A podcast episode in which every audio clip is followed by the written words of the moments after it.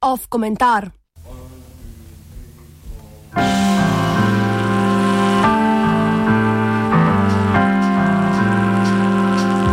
Survivor.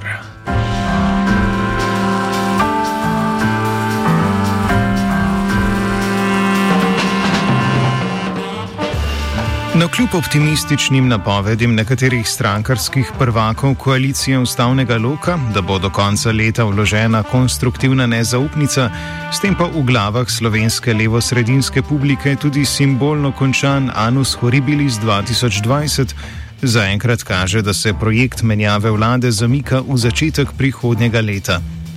To je v teh dneh potrdil tudi glavni pretendent na mandatarsko pozicijo Karl Rjavec, ki bi se pred uložitvijo nezaupnice rad ponovno pogovoril s poslanci stranke SMC. Slednji so v zadnjih nekaj mesecih, odkar se v opoziciji pojavljajo kandidati upanja, pod drobnogledom praktično vseh medijev. Špekulira se o njihovih motivih. Ali jih mikajo premijejstvo, županska karijera, funkcija v potencijalni združeni sredinski stranki, ali pa morda želijo zgolj do konca oddelati mandat in na to prestopiti v SDS.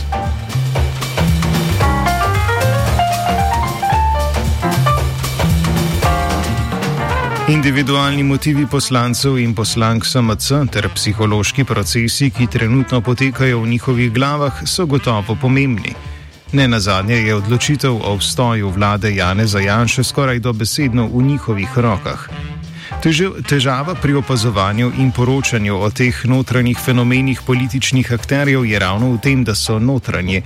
Vse informacije povezane s tem prihajajo iz kuluarskih govoric, ki jih ne malo krat sprožijo razno razni politični operativci z namenom vplivanja na razplet dogodkov. Na tem mestu se zato velja spomniti na nekatere institucionalne okoliščine, ki pogojujejo obstoj stranke SMC tako zunaj kot znotraj trenutne koalicije, pri čemer mislimo predvsem na strankino interesno kapitalsko ozadje. Povedano drugače. Zanimal nas bo odnos med slovenskim kapitalističnim razredom in političnimi grupacijami, zlasti strankama SMC in SDS.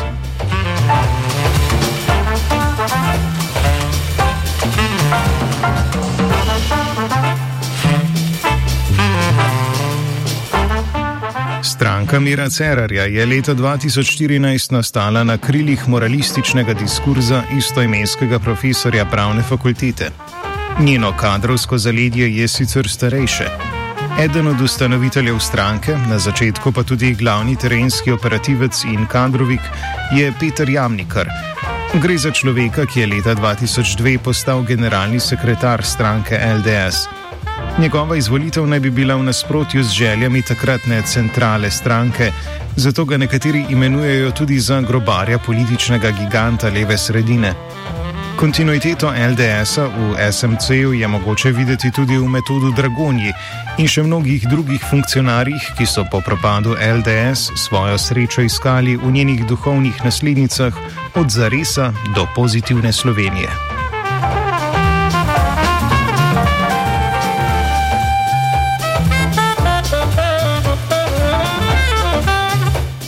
Stranka LDS s polnim imenom Liberalna demokracija Slovenije je dobršen del svojega obstoja veljala za politično krilo nastajajoče nacionalne buržoazije. Gre za družbeno skupino nekdanjih menedžerjev v socialističnih podjetjih, v žargonu nekdanje države imenovanih tehnokracije, ki so skozi privatizacijske procese ohranili svojo ekonomsko, s tem pa tudi politično moč.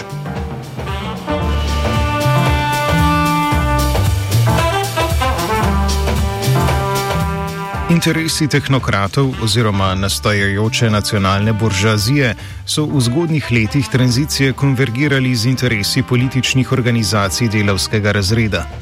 Šlo je za skupno nasprotovanje načrtom zlasti pomladne politične opcije, ki so predvidevali lastniški vstop tujega kapitala, s tem pa tudi utrditev tako imenovane kompradorske buržoazije, torej lokalnih agentov tujega kapitala.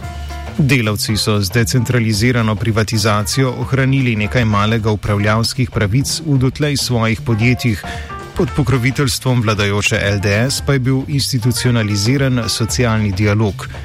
To taktično zavezništvo, ki je privatizacijsko zgodbo močno nagnilo v prid nacionalne buržoazije, se začne krhati po letu 2000.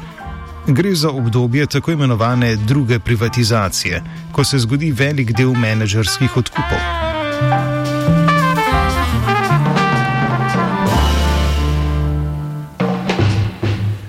Razpad tega razrednega kompromisa je sovpadal s političnim zatonom LDS-a in skorajšnjim vstopom Slovenije v skupni evropski trg. Vakum, ki ga je v političnem prostoru povzročil razpad liberalne demokracije, vse odtlej poskušajo zapolniti poimenske stranke. Nekaj nekdanjih LDS-ovcev prebegne med socialne demokrate. Gospodarstveniki, pripadniki nacionalne buržoazije, svoje pribežališče najdejo v forumu 21 društvu, ki se mu po besedah njegovega ustanovitelja Milana Kučana kmalo obeta prenehanje delovanja.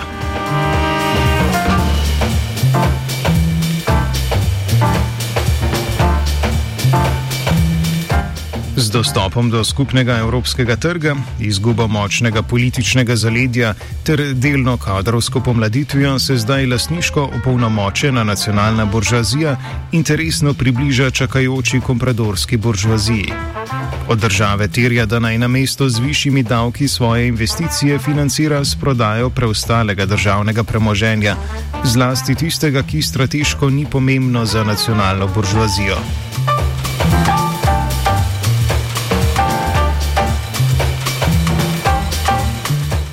V letu 2004, ko je Slovenija uradno vstopila v Evropsko unijo, vlado prvič prevzame Janez Janša.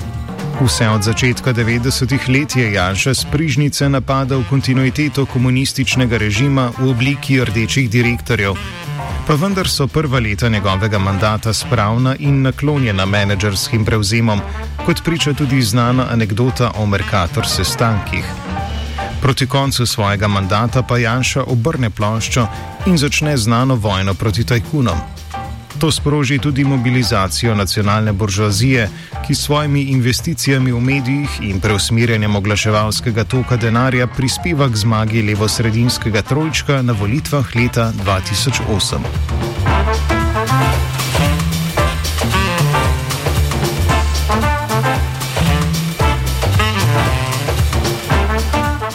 Pavšalno lahko rečemo, da je podobno dinamiko mogoče zaznati na vseh volitvah zadnjih 12 let.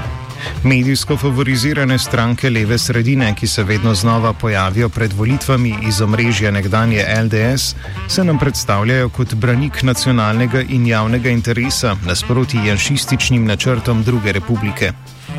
To je tudi dinamika, ki je zaznamovala zadnje volitve leta 2018, pri čemer se je strank leve sredine v zadnjih letih nabralo za dobro biro. Vse te stranke pa so imele poleg ostankov ekonomsko-interesnih skupin, zdaj transformirane nacionalne buržoazije, pripete tudi številne druge parcialne interese. Iz različnih razlogov se ti interesi niso uspeli konsolidirati in tvoriti enotnega projekta, zato je med njimi prihajalo do številnih power strugglov. Kot primer omenimo napad LMŠ oziroma LMŠ na jamnikov krok. Šarec je najverjetneje pod vplivom svojega svetovalca za nacionalno varnost Damira Črnčeca sistematično menjaval kadre, ki pripadajo frakciji nacionalne buržoazije, zlasti tiste, ki so aktivni v upravljanju državnih podjetij.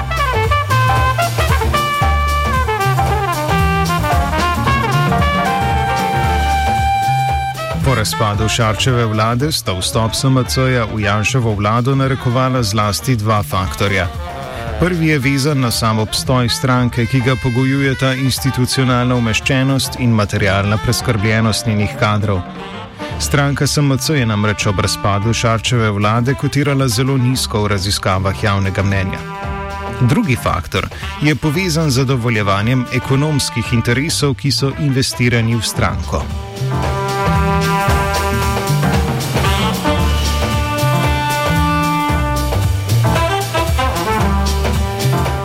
Morda je najbolj izstopajoč primer zadovoljevanja teh ekonomskih interesov ravno ustanovitev državnega turističnega holdinga, zdaj že skoraj blagovne znamke trenutnega predsednika SMC Zdravka Počivalška. Država naj bi odkupila lasniške deleže v podjetjih, ki so lasniki turističnih kapacitet v Sloveniji. Trenutno je večinski lasnik kapacitet, ki jih država namerava odkupiti, sklad York.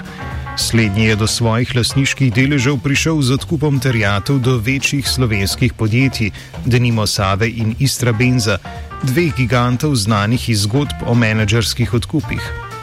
Terjatve je Jork odkupil od slabe banke, uradno do UTB, projekta državljanske dokapitalizacije nacionalne buržoazije z začetka zdaj že skoraj prejšnjega desetletja.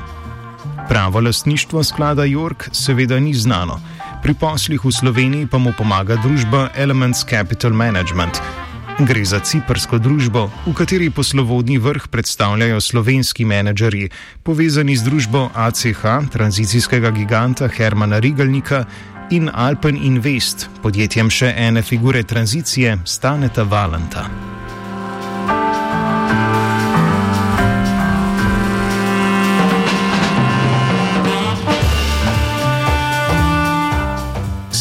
Stranka SMC ali katerakoli druga stranka leve sredine, ki je tako ali drugače povezana ali podprta strani ostankov ter različnih frakcij nacionalnega kapitala v spregi s kompradorskimi buržuji, je tako po nujnosti dovzetna za sodelovanje v katerikoli vladi, ki bo interese podpornikov pripravljena zadovoljevati.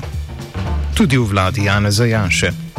Strankarsko drobljenje na levi sredini, ki je povezano tudi s premembami v sestavi domačega kapitalskega razreda, in politična razlaščenost delavskega razreda sta tako glavna dejavnika, ki omogočata močno vlogo sicer najbolje organizirane stranke SDS.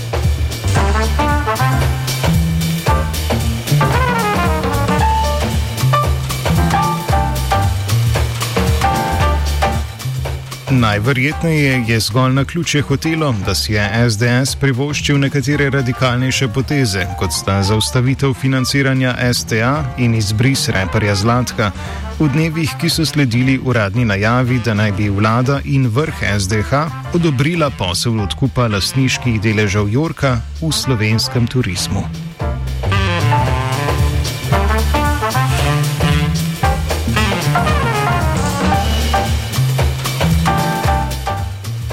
Komentiral Jens Zupan.